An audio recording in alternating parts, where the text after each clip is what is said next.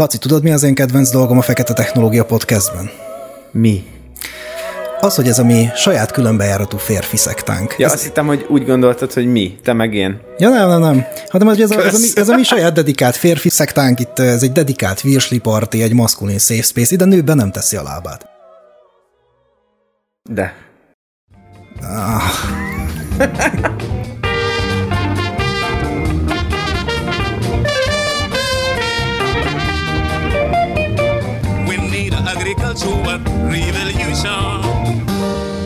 Sziasztok, mi vagyunk a Fekete Technológia. Ádám, Hello!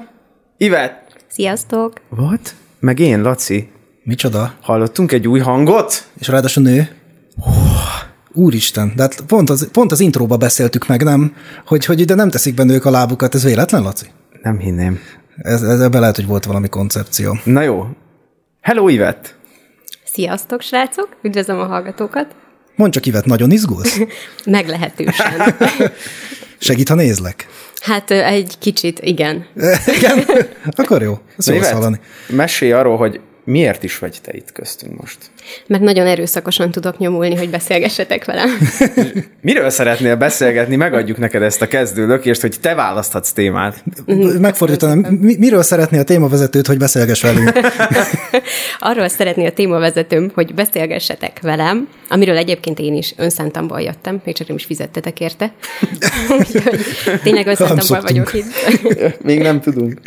Remélem eljön az idő. Nincs miből. mire kimegy az adás. Szóval én szőlővel és szőlő előrejelzésével foglalkozom, és szerintem ez egy nagyon aktuális és izgalmas téma. Tudom, mindenki ezt gondolja a saját kutatásáról, de én tényleg ezt gondolom. Úgyhogy ez, erről szerettem volna, hogy beszéljünk egy kicsit. Jó, mondjuk speciál a te témát szerintem is izgalmas. Most nem azért, mert itt vagy. Meg nem azért, mert mellettem dolgozol, és Ja, igen, igen. Ja, egyébként mi nagyon távol ismerősök vagyunk, mert majdnem másfél méterre dolgozunk egymástól. Igen, ez egy ilyen Bermuda háromszög, én is ott vagyok valahol alkalmattál. Igen, Iszonyú belterjesek vagyunk. ez van. Na, szőlő előrejelzés. Szóval már megint előrejelzünk. Megint előrejelzünk, de most ez egy picit más lesz, mert most talán specifikusabban fogunk a szőlőről beszélni, de azért aki mondjuk kihagyta a birkabéltől a big datáig adást, egyrészt szégyelje magát, másrészt elevenítsük már föl, hogy mi ez az előrejelzés, meg mire jó, meg mi van vele, plusz ö, adok egy kis adalékot, ugyanis a múltkori adásban nem voltam itt, úgyhogy most szét foglak bombázni az én kérdéseimmel. Amit a Jani nem kapott meg. az előző adásban én sem voltam itt. Ó, Hoppá. ez, ez, gyakorlatilag ez egy új adás. Sőt, ez egy új adás. Tulajdonképpen. Na hát, ja. Ivet, jelezz előre. Miért? Miért csinálod ezt magaddal?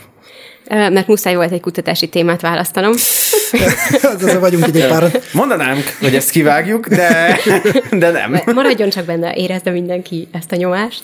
Én elkötelezett vagyok a fokhagyma vírusok iránt, úgyhogy épp úgy, ahogy Laci a... Blumeriella, köszönöm, Az. hogy eszedbe jutott. Az. De ez egy szőlő azért jelentősebb Magyarországon, úgyhogy ez volt a fő motiváció abban, hogy nagyon régi hagyománya van, nagy területen termesztik, ergo sok helyről lehet mintát gyűjteni, sok adatot lehet gyűjteni, úgyhogy ez kicsit ilyen altruista hozzáállás volt, vagy megközelítés, mm, de nagyon sok lehetőség van a szőlőben. De ez jó vagy rossz? Mert egyébként az ilyen témák meg kicsit túlkutatottak, nem? Szóval mondjuk a, nekem ugye a fokhagyma vírusok a témám, az pont azért jó, mert hogy nem nagyon foglalkozott ezzel a 60-as évek óta senki, hogy bármit találok gyakorlatilag új. Én azt gondolom, hogy meg kell találni azt az úgymond kutatási részt, azt a kis gepet, amivel ugyan foglalkoztak már, de talán még nem eleget, vagy amiben van lehetőség, és lehet új dolgokat felfedezni. Az előrejelzést itt most növényvédelmi tekintetben fogjuk vizsgálni, ugye? Igen, pontosan. Jó, oké, okay. mert hogy te a botritis előrejelzéssel foglalkozol. A szőlő szürke rothadás betegségét okozó kórokozót vizsgálom, több szempont szerint, és ennek része az előrejelzés is. Akkor légy szíves világosíts fel, hogy a legújabb álláspont szerint hány faj a botritis cinera? Mert én azt hallottam, hogy ez valami, most, most van ez a divat a fajkomplexekkel, hogy itt már nem is fajokról beszélünk, hanem hogy ez igazából sok faj. Most a gyilkos bálnáról is kiderült, hogy vagy 20 faj egyébként, amit mi gyilkos bálnának nevezünk. Egy kicsit látványosabb a történet mondjuk, mint a botritis cineránál, de az is valami ilyesmi, nem? Igen, a botritis cinere is beállt itt az új hullámos kórokozók közé ebben a tekintetben, hogy itt is már fajkomplexről beszélhetünk. Azért is nehéz a Botrytis cinerea esetében, mert eleve nagyon sok gazdanövénye van, tehát több mint 500 növényt képes fertőzni, és hogyha ehhez még hozzárakjuk azt, hogy egy fajkomplexről van szó, akkor az tovább bonyolítja hogy az ellene való védekezést, az ellene irányuló védekezést, és az előrejelzést is. Itt ilyen rezisztencia törésre gondoljunk, vagy az, hogy tehát, hogy az egyes fajok mondjuk máshogy érzékenyek adott növényvédőszerre? Ilyen is előfordulhat, illetve ugye az sem teljesen vizsgált, tehát ugye csak leírták gazdanövényekről, hogy igen, ezt a növényt is képes fertőzni a kórokozó. Ezek között egyébként vannak olyan növények, amelyeket egy gyomnövényként tartunk számon. De ugye nyilván ezekben az esetekben sem vizsgálják, hogy pontosan melyik alfaj az, amelyik fertőzi a kórokozót, tehát ugye ez még egy kicsit ilyen kevésbé kutatott terület ilyen szempontból értem azt, hogy nehéz, és igen, ennek lehet hatása egyébként a szerekkel szembeni ellenállóságára is. Az előrejelzéssel kapcsolatban. Ti alapvetően időjárásos adatokat gyűjtötök, és azt vizsgáljátok, vagy, vagy nem tudom, tudtok valahogy pollen koncentrációból arra következtetni, hogy itt fertőzés lesz, vagy dátumot néztek, vagy jósoltok birkabélből, vagy nem tudom, hogy mit csinálhattok, még nem vagyok annyira biodinamikus, hogy ezeket ismerjem, de a, a, a időjárás jelentést szoktam hallgatni. Az időjárás jelentést ezt mi is hallgatjuk, viszont van egy um, kutatási együttműködésünk az Országos Meteorológiai Szolgálattal, és tőlük kapunk adatokat, egy nagyon részletes felbontású adatsort kapunk, amivel mi aztán számolni tudunk. Úgyhogy mi mellőzzük itt a kávézacot, a birkabelet, mi inkább az OMS adataira támaszkodunk. És akkor mennyire jelezhető elő a botritis fertőzöttség, vagy a fertőzés Mm, időjárási adatokból? Ez egy nagyon vitatott kérdés, még így kutatók és gyakorló szakemberek körében is. Ennek oka a kórokozó biológiájában keresendő, ugyanis az az általános vélekedés, hogy sebzések nyomán kezd el ez a kórokozó igazán jól fejlődni, így tud leghatékonyabban bejutni a gazdanövényben.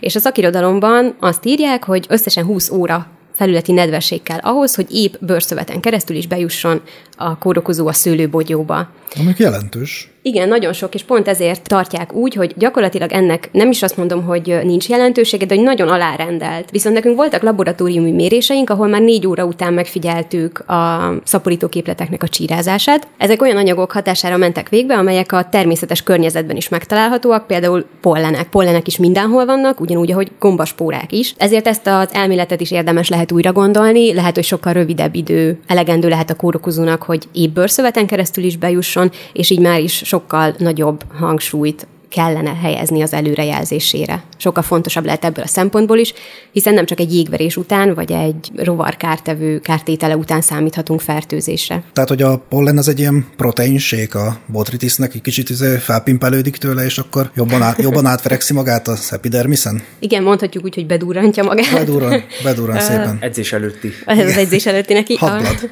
Ja. Azt, hogy milyen arányban tartalmaz milyen anyagokat, ezt most még vizsgáljuk. Egy év múlva akár beszélhetünk erről is. Remélem. Ez az fogadni gyakorlati tapasztalatot olyan értelemben, hogy kint tudod ezt mérni? Vagy, vagy a, mondjuk a gyomflórát fel tudod, azt felvételezni tudod, és akkor ebből tudsz következtetni arra, hogy ó, itt már mondjuk sokkal kevesebb idő alatt is csírázni fog az én kis konidium kám. E, e, egyébként ne arra de nekem ez a kedvenc részem Ivetnek a témájában, ez a, ez a pollenes dolog, ez szerintem annyira király, mert a szőlőnél egyébként, ugye ez egy tök általános dolog, hogy a sorközt azt valami, valamilyen kultúrával bevetik. Tehát nem ja. hagyják parlagon, hanem valami, valami füves herét azért oda, oda raknak. És ez, most mi van? Here? Hát a Visli, a Visli parti felvezetés után már. Na, és szerintem tök izgalmas, hogy egy, mondjuk egy sorköznek a faj összetétele ilyen pollen szinten hogyan befolyásolhatja mondjuk a botritis fertőzést. Ja, ja, meg ezzel tudnám mahinálni is tényleg csak Aha, annyit, hogy akkor hogy... egész egyszerűen kihagyod mondjuk azt a pollent, amelyiket egyébként ka- ka- kajolja. Ja. Kutatásunk során ezt is vizsgáljuk, hogy az ültetvények tulajdonságainak uh, milyen hatása lehet. Bocsánat, éppen flóba voltam. Ja, ne haragudj, ne haragudj. Kutatásunk során ezt is vizsgáljuk, hogy az ültetvényeknek az egyes tulajdonságai hogyan hatnak a szőlő szürke rothadás kialakulására. Tehát például a sorköztakaró növények jelenlétének a hatását is vizsgáljuk, ez pont emiatt került be a vizsgálatba, ugyanis a polleneknek lehet kórokozót segítő hatása. Na és várjatok, mert én, mint hobbi alkoholista, ebben már látok olyan fantáziát is, hogy milyen király az, ha viszont indukálni akarod a botritiszt, és mondjuk direkt olyat vetsz, hogy majd én, az én nekem a tokai borom az jó asszús legyen. Főállásuként egyetértek. Én meg gyakorló ivóként. Igen. Na figyelj, a témavezetődnek üdvözletül a kérdést, neki, neki címzem, szívküldi szívnek, hogyha itt Botrytis cinera néven, ugye egy fajkomplexről beszélünk, tehát egy csomó fajról van szó. Sorközkultúrában is el tudok képzelni mondjuk kapásból 20-25 növényt, ami esetleg azért úgy gyakrabban föl, fölmerülhet, és szőlő fajtából is azért ismerünk jó párat, nem rohadt sok itt a változó ahhoz, hogy egyébként bármi szignifikáns kijöhessen? De rohadt sok a változó, igazad van, viszont, hogyha összegyűlik megfelelő számú megfigyelésünk, akkor már is lehet ezekkel nagyon jól számolni, ezért is döntöttünk úgy, hogy civil embereket is bevonunk a kutatásunkban, és aki szeretne, az szolgáltathat nekünk adatot. Ez igen, nagyon viccesen hangzik, hogy aki szeretne, az segíthet. Kicsit ilyen adatkoldulásnak tűnik, de reméljük, hogy ebből másoknak is lesz haszna. De hát ne vicc, szerencsésebb történelmi fejlődésű országokban az ilyen hozzájárulás, ez szerintem abszolút. Na, mindennapos, Na, csak nálunk. figyeljetek, most uh, lesz egy hosszabb gondolatmenetem, kérlek, uh, ne csavarjatok el róla, mert alapból is hajlamos vagyok az elkalandozásra, és tehát az előző adásban Jani említette, hogy itt nekik is arra van szükségük a makrofarmal kapcsolatban, hogy minél nagyobb adathalmaz gyűjjön össze, és ezt egyelőre csak úgy lehet elérni, hogyha minél többen szolgáltatnak adatot. Na de most én mint gyakorló szakember maradjunk így, tehát, hogy múltkor szemetet gyűjtöttem kint a gyümölcsösben, de hát ez is hozzájárul a szép szakmánkhoz. Az az első és leghúsba vágóbb dolog, hogyha én reggel mondjuk négykor fölkelek, kimegyek, dolgozok, és délután négykor beesek, megeszem a kis szalonkámat fehér kenyérrel, és utána ö, lefekszem aludni, miért üljek én még be egy kicsit, pötyögni a gépen, hogy én ma milyen időjárási adatokat mértem, mit mértem, hogy mértem, mit csináltam, és még engedjétek meg, hogy ezt most a gondolatot végigvigyem, hogy miért látok én ebben rációt, és mi, ennek a, mi, mi ebben a fontos. Ugye a végén a gazdálkodó az mindenképpen a, a lovettát fogja nézni sokszor, tehát az, hogy ebből hogy tud ő pénzt szerezni, hogy tud gazdasági előnyre szert abból, hiszen ezek az előrejelzési rendszerek alapvetően arra épülnek, hogy neked gazdasági előnyöd legyen más gazdálkodókkal szemben, akik nem használják esetleg ezt a rendszert. Na most, Alapvetően én úgy gondolom, hogy egy terméknek vagy szolgáltatásnak az árát két fontos tényező határozza meg. Az egyik ugye a kereslet-kínálati piac, a másik pedig az, hogy milyen nagy a kockázata annak a dolognak. Gondoljatok bele abba, ha mondjuk van egy ilyen óriási adóvevőtornyod, és annak a tetején van egy olyan lámpa, amit ki kell cserélni fél évente egyszer, ugye erre van is egy ilyen szakma, és horrort keres a figura, mert ugye eléggé para fölmenni egy, mit tudom én, 100 méter magas toronyba, tehát magas a kockázat, nagyobb a fizetés. Na most ezek a rendszerek azért nagyon királyak, mert az történik, hogy ugyanannyi lesz a bevétel, hiszen általánosságban a többi gazdálkodónak nincs meg ez a rendszere, viszont a kockázatodat tudod csökkenteni azzal, hogy ugye ez a rendszer szól neked, hogy valószínű baj lesz, míg a többiek megfigyelés alapján, vagy hasraütésen, vagy tapasztalattal dolgoznak, ez a rendszer egy fokkal ügyesebb, és kiküszöböl bizonyos emberi tényezőket, amik hibásak lennek. Köszönöm, hogy engedtétek, hogy végigmondjam ezt a rendkívül hosszú gondolatsort, és mostantól csöndben maradok egy ideig, sajnálom. Az azt hittem, hogy egy kérdéssel fog végzni. nem, tudok, nem tudok kérdezni, csak nem tudom, én most jelenleg ezzel lelkes vagyok ezzel a dolggal kapcsolatban, és kicsit bosszant az, hogy ugye nehéz, nehéz rávenni az embereket arra, hogy adatot szolgáltassanak, az már említett okokból kifolyólag, de ahhoz, hogy ebből mindig, mindig a vonatos példát hozom, hogy nem a TGV-t találták föl, hanem a, értitek, a üsző faszénnel működő, ez a helyesen kritika, by the way, tehát a, a faszénnel működő vonatot, és abból alakult ki ez a őrületesen hasító francia őrület, tehát, hogy nem, nem úgy fog kialakulni egy olyan rendszer, ami hibátlanul működik, hogy az úgy majd így így megszületik, hanem úgy, hogy ezen dolgozni kell, és ehhez segítség kellene, egy kis munka, egy kis önfeláldozás. Hmm, két, két meglátásom van. Az egyik az, hogy a bárminek az árát igen, valóban a kereslet kínálat határozza meg, de a kockázat az már bele van kalkulálva a piacba, tehát valójában csak kereslet kínálatról beszélünk. Ez csak azért, mert nekem vannak piac fundamentalista ismerőseim, és ha ezt most nem mondom el, akkor tockosan nyomnak, bocsánat. A másik pedig az, amit mondtál, hogy a gazdálkodónak ez igazából versenyelőnyt jelent. Egy ideig, de hogyha meg már elég sokan kezdik el használni, akkor nem neked jelent versenyelőnyt, hogy használod, hanem elkezd verseny hátrányt jelenteni annak, aki nem használja. Igen. Ami azért, ami azért ez lehet, szerint... hogy nagyobb motiváció. Igen, és talán odáig kell eljutni, hogy meglegyen az a, az a tömeg, hogy már verseny hátrányt okozzon, mert a versenyelőny ért azok fognak menni, akikben van egy ilyen kis pionír szellem, tudod. Viszont ha már verseny hátrányt szenvedsz el, akkor már kénytelen vagy utána menni a tömegnek, mert konkrétan le vagy maradva. Igen. Ilyen szempontból szerintem a szőlészek egyébként nagyon, nem is tudom, hogy erre mi a jó szó ebben, lehet, hogy ti jobbak vagytok, de nagyon haladó szellemiségű A szavakban? emberek. Igen, a szavakban. Hát ha másban nem is, legalább, Jobban legalább a szánk beszélni. nagy, igen. Szóval, hogy, hogy igen, nagyon haladó szellemiségűek, szerintem nagyon követik, nagy mértékben követik az innovációt, tök sok új dologban benne vannak, olyan gépeket használnak. Tehát, hogy valahogy kevésbé vannak lemaradva esetleg, mint az agrárágazat többi szereplője. Ezt nem degradáló értelemben, vagy pejoratív értelemben szeretném itt megemlíteni, hanem ez egy nagyon szerencsés eset, hogy a szőlészek általában nyitottak az együttműködésre, pont ezért, mert látják ebben a lehetőséget. Hát igen, a szőlészeknek ugye ők egy ilyen kis átmenet végül is a kertészeti kultúrákból, ugye gyakorlatilag teljesen külön területként kezeljük így mi a kertészeti disziplinán belül, hogyha a gyümölcs, szőlő... Ja, ezért- egyáltalán nem a gyümölcsel együtt. nem, nem a gyümölcsel együtt kezeljük, hiszen hogyha belegondoltak, ahogy Ivette is mondod, ugye a, a legnagyobb innovációk azok a, általában a szántóföldi kultúrákból indulnak, és amikor a kertészeti kultúráknak a belépését csinálják szabad földön, ez nagyon fontos, akkor általában a szőlővel kezdődik a dolog, mert ugye termesztőberendezésben a zöldségek is elég, tehát a zöldségtermesztés is eléggé innovatív, de abszolút előbb fog megjelenni valóban egy drónos permetezés szőlőben, ez nyilván a kultúra méretei miatt is van, mint mondjuk egy, nem tudom, kajszibarazban. Hát meg a fekvése, tehát ugye azért azokon az ergebaszókon nem nagyon egyszerű a traktorral sem mászkálni, tehát azért küldik Hát fel jó, de a most drónt. érted, mandulát se az biztos feltétlen az Alföldön termesztesz. Pedig De- annak is nagy a megtermelt értéke, stb. Tény és vagy, való, hogy a szőlészek valahogy, valahogy jobban ráéreznek erre. Hát gondolom azért, mert ők relatív könnyen lépnek följebb a terméklétrán. Tehát a, a igen, szőlészborászatot ugye együtt is emlegetjük, hogy ők, ott van pénz, van pénz arra, hogy, hogy ezt végig gondolod. Ha meg takarmánynövényt vagy szántót termesztesz, akkor ott meg azért jobban ki vagy számolva. Így van. Egyszerre vettem meg, és adtam is el ezt a terméket. Ez tök jó. Ti csak, vagyis te csak botritisszel foglalkozol, vagy a szőlő egyéb betegségeivel is foglalkozol. Az alapkoncepció az volt, hogy a legfőbb járványos betegségeket próbáljuk meg mind előrejelezni.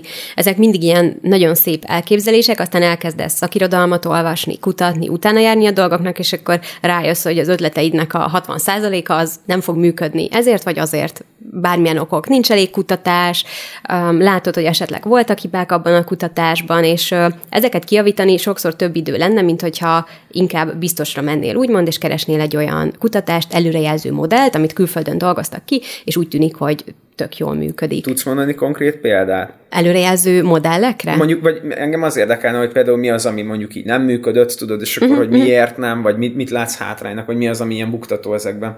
Például, amikor elkezdtem a kutatást, akkor szőlőlisztharmadból nagyon sok külföldön kidolgozott modell volt. Ezeket mind elnevezik általában a feltalálójukról, kidolgozójukról, mondjuk inkább úgy. Viszont amikor ilyen tök egyszerű számításokat végeztünk ezekkel, helyi időjárási adatokkal behelyettesítettük, akkor egyszerűen ö, teljesen irreális kockázati szintek jöttek ki, és ez is a nagy nehézség egyébként az előrejelző modellekben, illetve azoknak az adaptálásában, hogy amit külföldön kidolgoznak, az nem biztos, hogy ugyanúgy működik hazánkban. Hogyha ez egy nagyon apró, egy pici eltérés, akkor azt még lehet korrigálni, hiszen ugye itt az előrejelző modellek, ezek konkrétan matematikai modellek, számok vannak benne, és közöttük matematikai műveletek. Viszont, hogyha annyira nagy mértékű az eltérés, ami egyértelműen látható, hogy hazánkban nem esik egybe a szőlő fogékony fenológiai stádiumával, akkor azokat a modelleket mi egyszerűen kihajtuk, és nem foglalkoztunk velük. Így tehát a szőlőperonoszpúr, a szőlőlisztharmat, ezekre sem feltétlenül találtunk könnyen adaptálható modelleket, ellenben a szőlő szürke amire megtaláltunk egy tök jó modellt, és itthon egyébként ezt nem is nagyon alkalmazzák az említett okok miatt, mert nagyon nehéznek tartják az előrejelzését a kórokozónak. Tudunk-e most, ez, ez most mennyire használható, mennyire van kész, most ha én mondjuk szőlőbe vagyok, és előre akarom jelezni a botritiszt, akkor akár ha téged megkerestek, akkor tudsz ebben segíteni, vagy, vagy ez egy elérhető rendszer online, vagy most itt ez hogy áll ez a rendszer nálatok? Uh-huh. Uh, ezen a ponton szeretném elkülöníteni az előrejelzés és a kockázatbecslésnek a fogalmát. Nem szeretném megismételni mindazt, amit Janival beszéltetek, hallgassa meg mindenki azt az adást is, de Kopizok, vigyázzatok. Szóval el kell különíteni, külön kell választani az előrejelzés és a kockázatbecslés fogalmát, sőt, még a helyzetjelzés, helyzetjelentés fogalmát is. Az előrejelzés ugye akkor beszélhetünk, hogyha megjósolt időjárási adatokat tudsz ebbe a matematikai modellbe beilleszteni, és akkor meg fogod tudni mondani, hogy jövő héten, ez már mondjuk azért egy elég jó, meg pontos előrejelzés, meteorológiai előrejelzés kell ehhez, de mondjuk, hogy három nap múlva milyen kockázat várható a szőlőszürke rothadásból. A helyzetjelzés az ennél egy fokkal kicsit könnyebb, abból a szempontból laikusoknak ugyanolyan jól használható viszont kevésbé megbízható, mert a helyzetjelzésnél csak az van, hogy megnézik, hogy igen, sokat esett az eső, ez általában kedvez a botritisnek, úgyhogy számítsatok rá, figyeljétek. Azért úgy érzitek a kettő között a különbséget, hogy nem exakt számok vannak, hanem valószínűsítik, hogy lesz fertőzés. És a kockázatbecslés pedig abban más, hogy ez már matematikai modelleket használ, tehát itt egy konkrét számot fogsz megkapni, hogy mekkora a kockázat, viszont ez az adott napra vonatkozó időjárási adatokat használja fel, tehát azt tudom megmondani neked, hogy a te területeden milyen a napi kockázati szint. Ezt a rendszert mi úgy dolgoztuk ki, egy nagyon, nagyon egyszerű egyébként, egy online kérdőívet hoztunk létre, ahol a gazdálkodó megadhatja, hogy hol található a szőlőültetvénye, mi Egyre csak azért van szükség, mert így GPS koordináta alapján tudunk nagyon pontos időjárási adatokat társítani az ő ültetvényéhez, meg kell adnia, hogy a szőlő milyen fejlettségi állapotban van, ehhez egyébként így képekkel is segítünk, tehát csak egy listából kell kiválasztani, és mi ezek az adatok alapján az adott helyre számítjuk a napi kockázatbecslést. Ez nagyjából szőlőfajtától függően körülbelül július eleje közepétől indul, hiszen az kell ehhez, hogy a bogyók elkezdjenek már színeződni,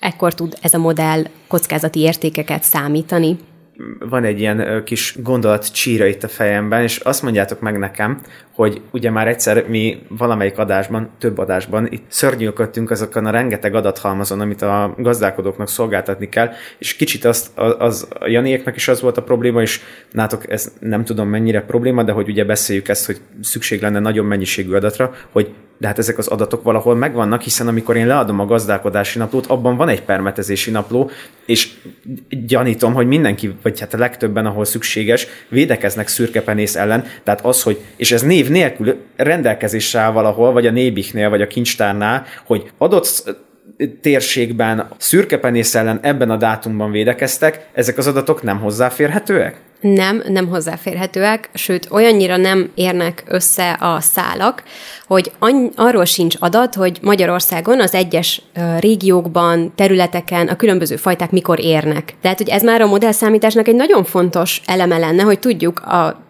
közelítően az érési időt az egyes fajtáknak, hiszen a kékfrankos máskor fog érni villányban, mint mondjuk badacsonyban. Ja, persze, tényleg, meg Ez hát egy, más klónok, igen, stb. Igen. De attól függetlenül a kórokozó nyomásra arra viszont tudnál következtetni, szóval amúgy ezek hasznos információk lennek, ne, lennének nektek, ha ezek az De tényleg azok lennének? Tehát mondjuk a kutató az elhiszem, hogy azt gondolja, mondjuk aki nem növényorvos közben, hogy hát igen, a permetezési naplóból lehet, hogy valid információkat lehetnek kiszedni, de azért a benned ott lakó növényorvos tényleg azt mondja, hogy a permetezési naplókból úgy általánosságban olyan adatokat lehetne kiszedni, amire lehet alapozni? Egy, hát részben a botritisnél, pont a botritisnél azért gondolom, hogy igen, mert ugye ott nagyon az érés közelében lesz a védekezés, tehát érted, azzal már kevésbé fognak esetleg simisumizni, uh-huh. hogy érés előtt milyen növényvédőszert használtál, mert hogy ugye az, hogyha bekerül egy kutató laboratóriumba, akkor az, a, az ott az ki fog bukni. Ez az egyik, a másik meg az, hogy sajnos az előző adásban ti is beszéltetek arról például, hogy a, a németeknél mennyi, a,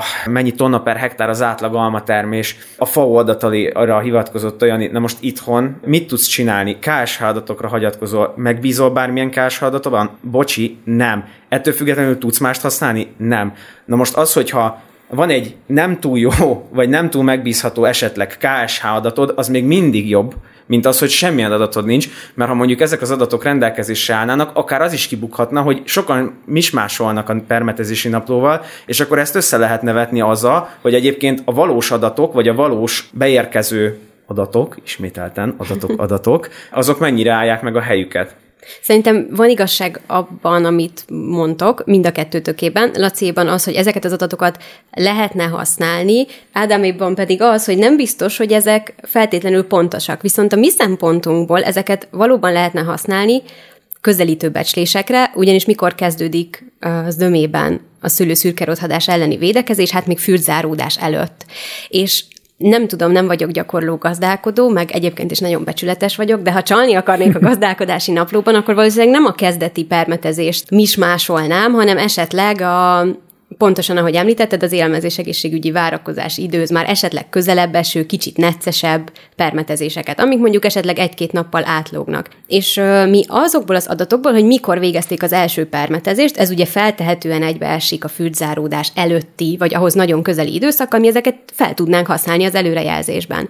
Viszont ami még itt eszembe jutott aggályként, hogy amikor ezeket az adatokat adjátok, akkor nem tudom, hogy kell arról nyilatkoznotok, hogy ezeket bárhol felhasználhatják. Tehát, hogy kicsit ilyen ilyen GDPR kérdésköre merülhet fel, hogy mennyiben lehet ezeket az adatokat felhasználni, amit egyszer valaki úgy adott meg, hogy az egy hát gyakorlatilag kötelező dolog, csak hogy kutatási célokra lehet ezeket Szerintem az ez, ez egy, egyrészt ez, ez egy nagyon gyorsan orvosolható dolog lenne, mert ha beírod mondjuk egy AKG-ba, érted, hogy ez kritérium, hogy kutatási célra felhasznál, senki nem fogja azt mondani, hogy na ezért nem fogok indulni AKG-ban vagy ökóban.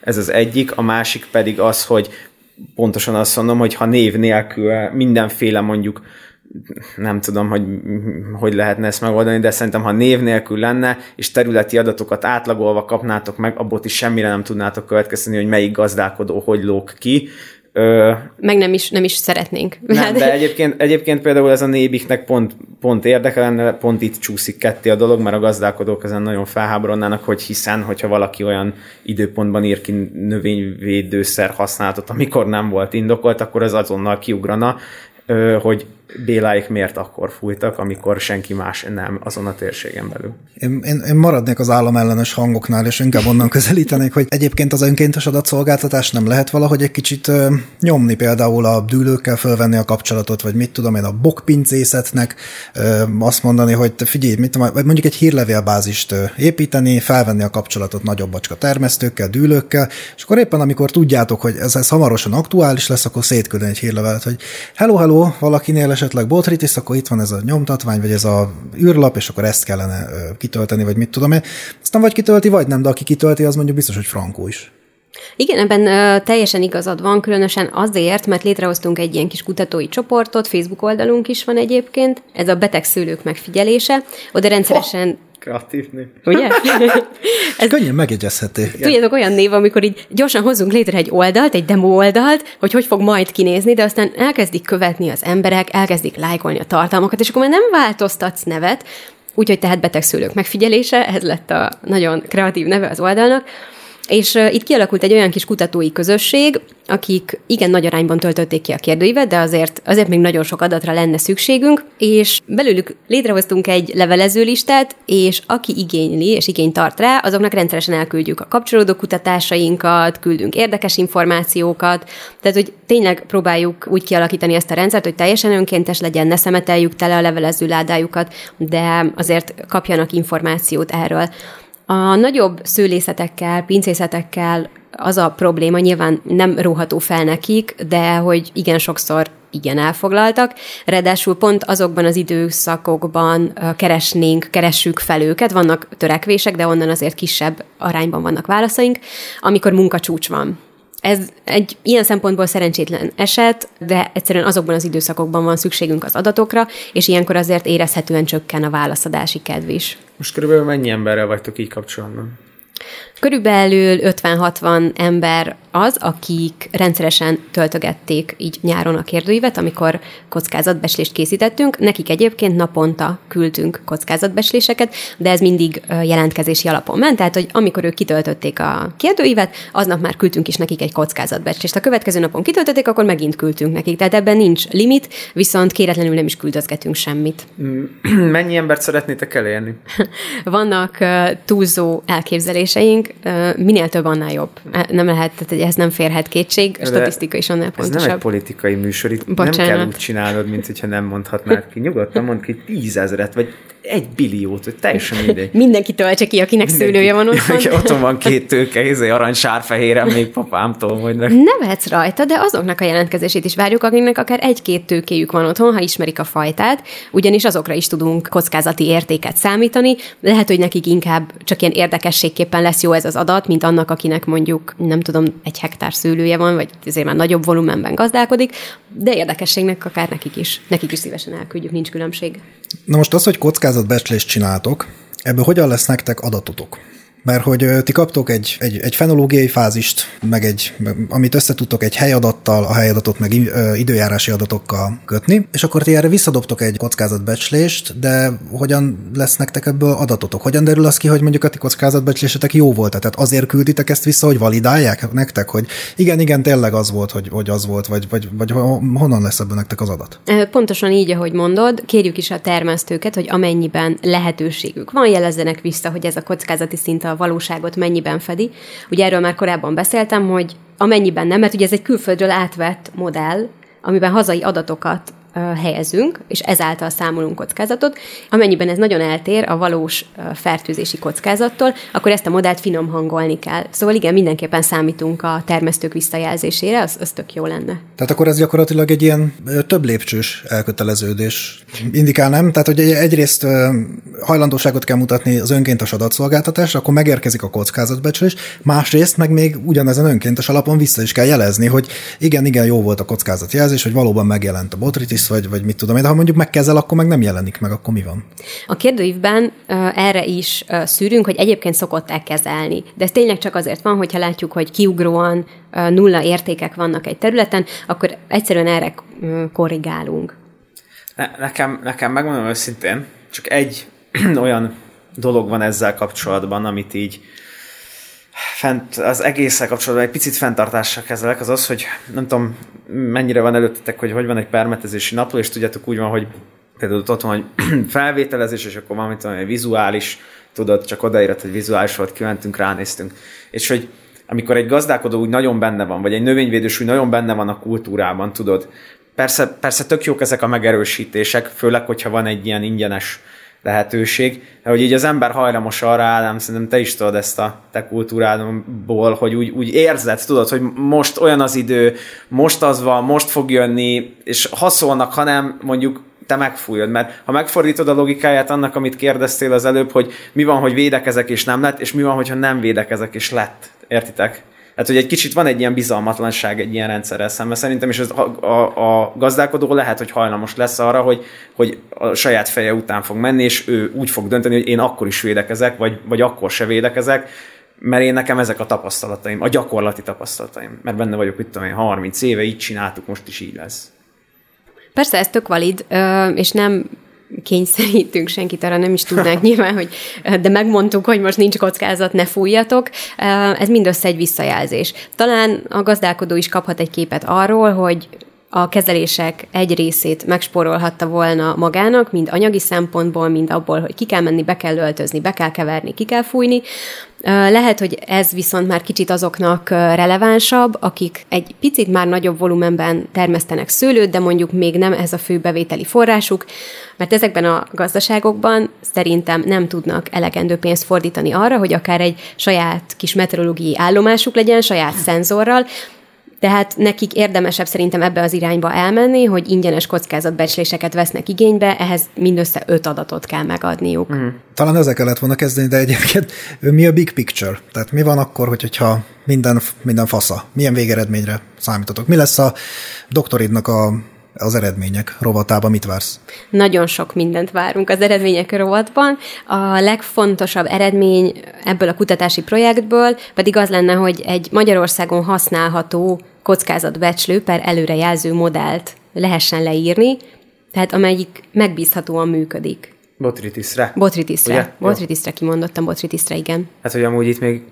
fiatal titánok előtt áll a teljes szőlő megoldása, tehát akkor így akinek esetleg gondolom van indítatása a általad már említett mondjuk lisztharmat peronosszal, meg egy, mit tudom én, fekete rothadással foglalkozni, akkor azok, azokból így, így összeállíthatnátok egy Power Ranger csapatot is akár, és akkor ti lennétek a szőlőkapitánya, vagy nem tudom, valami. Mondjuk ahhoz szerintem azért kellenek a botritiszes adatok, mert azokból aztán, ha más nem tapasztalati alapon lehet következtetni arra, hogy aztán hogyan a lisztharmattal meg a peronoszpórával. A lisztharmatot azt, azt nem von bele ebbe, mert ugye a lisztharmat az lehet, hogy külső fertőzéssel fog bejönni a botritisznél, meg ez annyira nem jellemző, hanem inkább nem, ilyen... nem, nem emiatt mondom, hanem azért, mert a botritis az táptalajon tenyészthető. Tehát ott azért le tudsz egy-két vegetációt modellezni? Vagy nem, nem csináltak um, De párhuzamosan vannak laboratóriumi kísérleteink is. Igaz, hogy azok nem az előrejelzéshez kapcsolódnak, de most, hogy lebuktattál, mert be kell vallanom, hogy ezért is esett a választásunk a botritisre, Pontosan, mert táptalajon tenyészthető szemben a szőlőperonoszpórával, lisztharmattal, ami csak élő növényen tartható fent, az meg azért nagyon speckó körülményeket igényelne, ezek nekünk nem biztos, hogy rendelkezésünkre állnak. Hát ja, meg azokat ott fitotromba életbe tartani, vagy területen, szóval azt sokkal... Igen. És nem kezelheted semmivel, hogyha tényleg a kórokozót szeretnéd róla izolálni, a, csak a kórokozó hatásait szeretnéd lemérni, mert ugye már egy, nem tudom, takácsatka, vagy atkafert, nem, ezt vágjuk ki. Hát ezeket sose vágják. Köszönöm, Ádám, akkor mindenki megtudta, hogy nem tudom, mi a különbség a takácsatka és a szőlő gubacsatka, meg nem tudom, bármilyen atka Hát ez, között. az egyik takácsatka, a másik gubacsatka. Igen, tehát hogy az a lényeg, hogy bármilyen más fertőzés vagy rovarkártétel történik azon a növényen, akkor már nem lehetsz benne biztos, hogy a növény kondíciója csak a betegség miatt, az az adott kórokozó miatt romlott és akkor ez mindig bonyolítja a képet. Tehát, hogy ezért sokkal biztosabb megoldás táptalajon dédelgetni ezeket a kórokozókat, ha lehet. Ja, meg tényleg mondjuk az is, amiatt is talán a botritis a jó, mert hogyha esetleg valami kezelés történik, akkor a, tudom, egy kénes, meg egy rezes kezelés azért csak-csak becsúszik a szőlőben, és akkor már borulnak a dolgok, de mondjuk a botritis ellen ezeket a speckó botricideket igen, javasolják igen. leginkább, tehát nem, nincs az, hogy a kezeléseddel úgy nagyon, nagyon megkavarod a kakit, nem? Igen, ez pontosan így van, és ráadásul a botritis elleni védekezés nem is esik egybe a szőlőlisztharmat mm. és peronoszpórával, ott a kettőnek viszont nagyjából azonos a szőlő fogékony fenológiai stádiuma, tehát azonos időkben kezelsz, az igaz, hogy általában vagy szőlőlisztharmatos, vagy szőlőperonoszpórás év van, mert annyira eltérő az ő környezeti igényük, viszont nem kizárt, hogy neked az ültetvényedben egy évben mind a kettő ellen kell védekezni, és akkor vannak olyan szerek, amelyek mindkettő ellen hatásosak, tehát hogy ott már nehéz lenne csak az egyik kórokozónak önállóan a hatását mérni.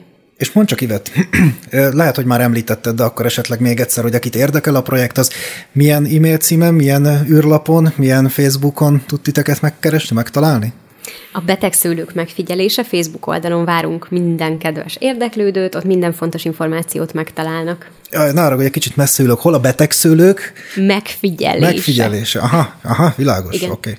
És ott lehet megtalálni a űrlapot is? Az űrlapot is. Ezeket mindig aktuálisan rakjuk ki, tehát a szőlő botritis kockázat becslése az majd az aktuális időszakban lesz elérhető, de addig is van egy pár projektünk még, amihez lehet csatlakozni, és azokról is küldünk információkat, érdekességeket, aki ezt igényli. Most még úgy sem nagyon lehet mit csinálni a szőlőben, na jó, hát most lassan kezdődik a munka.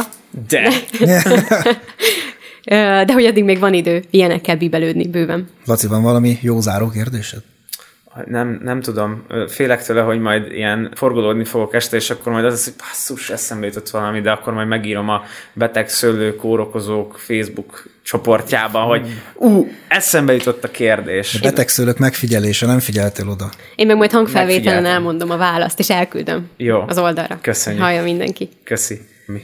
Jó, hogyha eszetekbe jut valami, akkor a fönt említett csoportokban és helyeken keresétek kivetett bátran, meg léci szolgáltassatok adatot, mert ez itt tök jó. Határon túliak, játszanak? Vagy csak Magyarországon akartok? Mm, egyelőre csak Magyarországon, hiszen az OMS adatai Na De jó. Magyarország önmagával határos. Igen. Vigyázz, mert én is bele szoktam futni ilyen, izé, ilyen, ilyen délszláv háborús témákba sajnos, úgyhogy vigyázni kell. Kerestem a polkorrekt megnevezését Magyarország határainak. Olyan nincs. Ez nem az az adás. Tartózkodjunk ezektől. Az a lényeg, hogy Magyarország mai határai plusz 10 kilométer, amire még biztosan tudunk Aha. kockázatot számolni. Ez jó. Igen, OMS jó. adatok alapján. Oké. Okay. Köszi. Köszönöm szépen a lehetőséget, hogy önként felajánlottátok, hogy beszélgettek velem. Ja, hát mi köszönjük, Ivet. Nagy elvárásaink voltak veled, mivel hogy már ugye volt egy ilyen előrejelzős adás, nem akartunk téged stresszelni előtte, most már így utólag elmondjuk, hogy a Lacival nem gondoltuk, hogy ezt életben maradsz a végére, végig tudod csinálni, nem ájulsz de ebbe egész jól viselted, úgyhogy köszönjük szépen, hogy itt voltál, és a témavezetődet is üdvözöljük innen. Köszönöm szépen. Sziasztok! Hello! Sziasztok!